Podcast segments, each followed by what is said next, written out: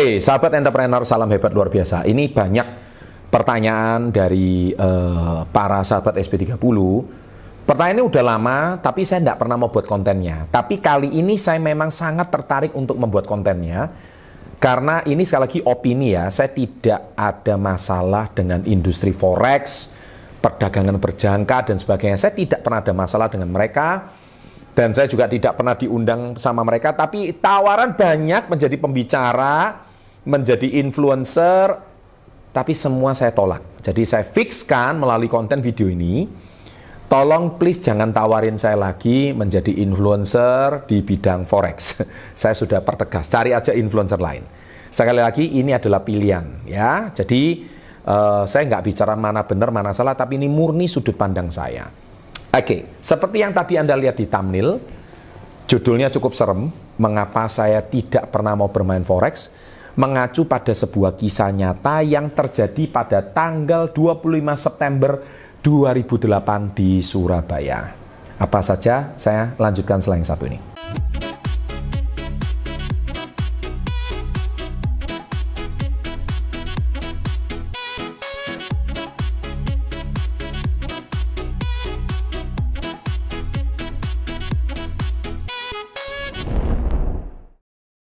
Baik sahabat entrepreneur, jadi saya akan menjelaskan.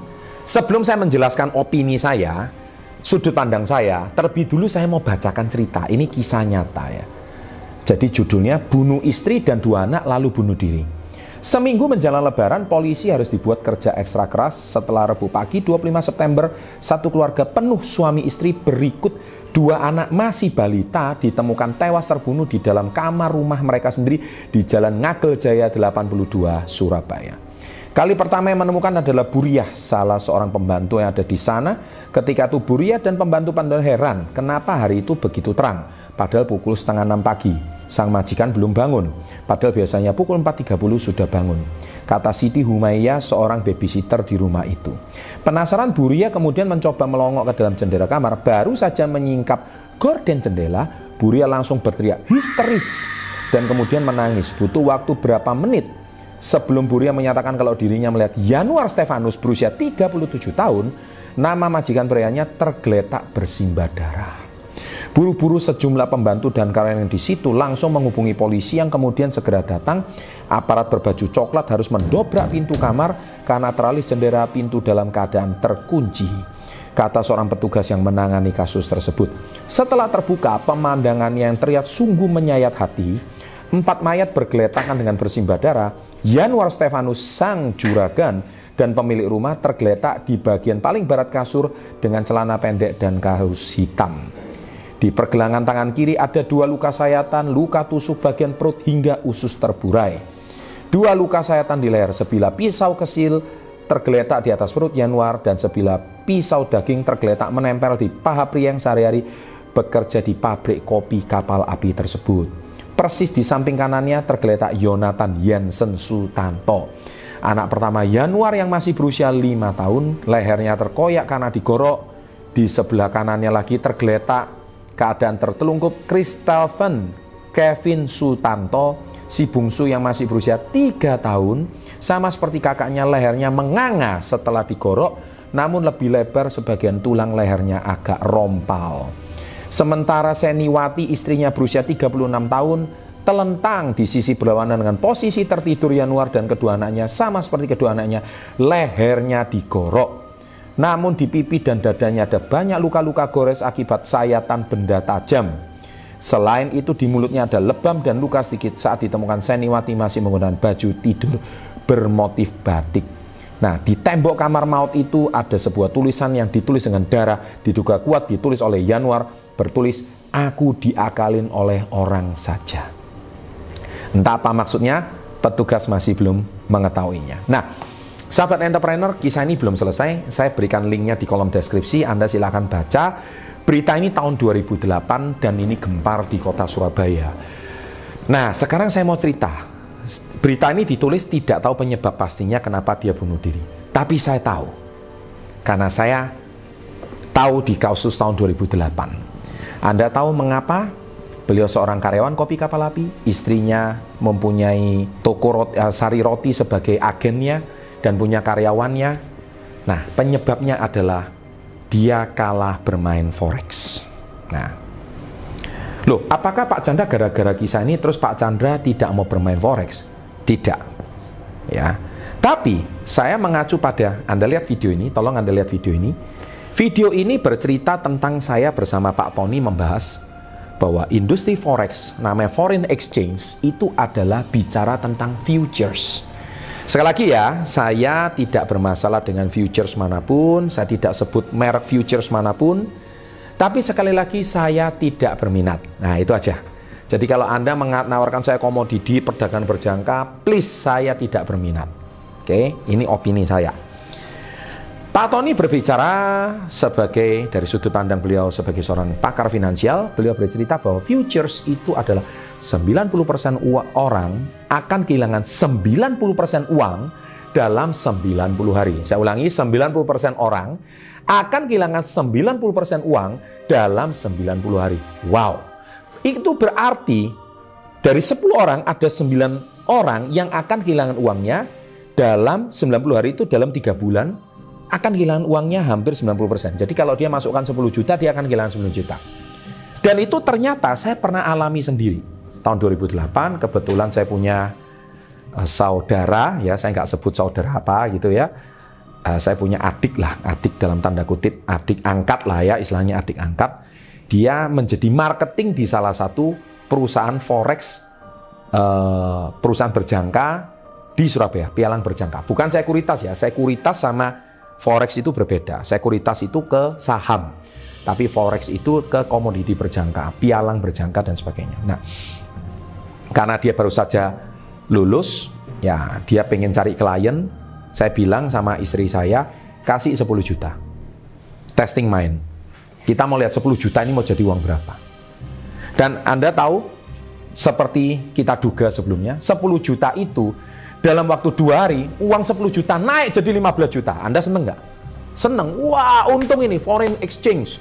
Ini menggunakan mata uang pounds, mata uang US, mata uang Singapura, mata uang apa wah, waktu itu tahun 2008. Dan siapa pun kalau 10 juta jadi 15 juta pasti akan senang. Nah biasanya manusia akan tumbuh greedy atau rasa tamaknya. Ketika 15 juta, apakah kamu akan memindahkan uang lebih banyak? Biasanya demikian. Tapi saya bilang, no, biarkan 10 juta itu bertumbuh. Saya mau tahu 10 juta itu jadi berapa. Karena saya sudah menduga. Dan Anda tahu, memang benar. 10 juta itu dalam waktu dua hari menjadi 15 juta. Dan hari ketiga, uang 10 juta itu habis tak bersisa. Nah, satu rupiah pun nggak ada. Kemudian saya ditawarkan sama marketingnya. Pak Chandra mau nggak top up, istilahnya tuh top up. Kalau Pak Chandra top up, kemungkinan 10 jutanya Pak Chandra kembali. Nah, kalau Pak Chandra nggak top up, 10 jutanya melayang. itu tawaran semua marketing seperti itu. Karena saya sudah tahu dasar teori tersebut, bahwa futures yang diinvestasikan itu 99% adalah di masa depan. Satu persen saja yang di saham. Saya bilang sama marketingnya yang tak lain adalah adik angkat tersebut, saya bilang biarin hilang karena saya tidak tamak. Nah, sahabat entrepreneur, itulah alasan mengapa saya tidak mau terlibat di forex. Terus Pak, hubungannya apa sama ceritanya almarhum Januar ini? Januar ini kalah forex. Saya tidak tahu kronologis pastinya, tetapi kalau membaca kisah horor ini, menurut rumors dan beberapa teman, ya, feeling saya rata-rata orang forex itu kalau 10 juta dia habis dia top up lagi 10 juta karena dia nggak mau 10 juta ini lah. Jadi dia masuk uang berapa? 10 plus 10 jadi berapa? 20. 20 ini tiba-tiba melayang lagi. Uh, 25 juta di happy. Kalau 20 nggak segera ditarik, dia hilang. 20 ini kadang orang kepengen top up lagi. Ya habis, masuk lagi 20. Nah inilah kisah dari orang yang berada di perusahaan forex. Sekali lagi, saya tidak ada tendensi menyerang perusahaan forex mana pun atau perusahaan futures mana pun. Tidak ada tendensi. Ini murni pengalaman saya sendiri. Loh Pak, ada nggak Pak orang yang berhasil di forex? Ada. Mungkin kurang dari 10%. Tapi saya nggak mau jadian 10% tersebut. Karena jam tidurnya kebalik. Oh Pak, sekarang ada robot, ada trading, ada ini. no, no, saya tidak berminat. Mengapa? Saya masih punya perusahaan saya sendiri. Saya mau bekerja di perusahaan dan perusahaan saya jauh lebih menghasilkan dibandingkan saya harus terlibat dengan perusahaan saya. Nah, sasarannya adalah para newbie. Perusahaan-perusahaan futures ini. Yang mana dia punya uang, akhirnya dia senang keranjingan, dia tidak konsen dengan pekerjaannya dan akhirnya dia mendapatkan uang cepat dari tersebut. Wahai sahabat entrepreneur, easy come easy go. Trust me, dunia ini adil. Datang cepat, hilang juga cepat. Belajar dari kisah pengalamannya almarhum Januar yang sangat tragis ini, sudah jelas betapa frustasinya orang itu kalau sudah kalah forex. Dan saya menduga dia menggunakan uang yang semestinya untuk berbisnis atau uang tabungan atau jangan-jangan dia menggadaikan sertifikat rumahnya. Sekali lagi saya tidak tahu, tapi ini dugaan saya. Semuanya untuk forex. Karena top up itu tadi, top up, top up, top up, dan top up. Dari yang mungkin Anda cuma iseng-iseng bermain 10 juta, jangan-jangan bisa masih keseret 1M. 1M jangan-jangan keseret sampai 5M. Gimana Anda nggak bunuh diri? Makanya di tembok dia ditulis, aku diakali saja. Kata-katanya seperti itu. Saya tidak mau kejadian Januar ini terjadi lagi di generasi zaman sekarang. Tapi kalau Anda bersikeras masih menganggap bahwa forex itu jalan hidup saya, sekali lagi itu pilihan. Saya tidak pernah menganggap ini sebagai sebuah statement pasti. Itu pilihan. Oke, sahabat entrepreneur, demikian opini saya. Anda boleh like, boleh dislike video ini. Bagi Anda yang mungkin pialang, bagi Anda yang mungkin marketingnya forex merasa tidak setuju, Anda mau mengatakan apa pun di kolom komen, terserah Anda. Anda punya hak, ya tapi sekali lagi itu opini saya.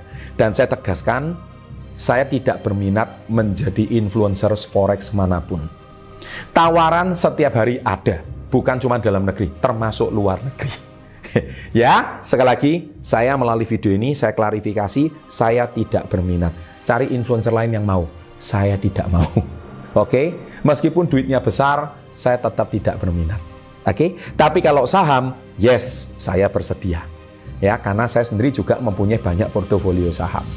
Sukses selalu, demikian sharing video ini, semoga bisa menjadi pembelajaran bagi kita semua. Sukses selalu and salam hebat luar biasa.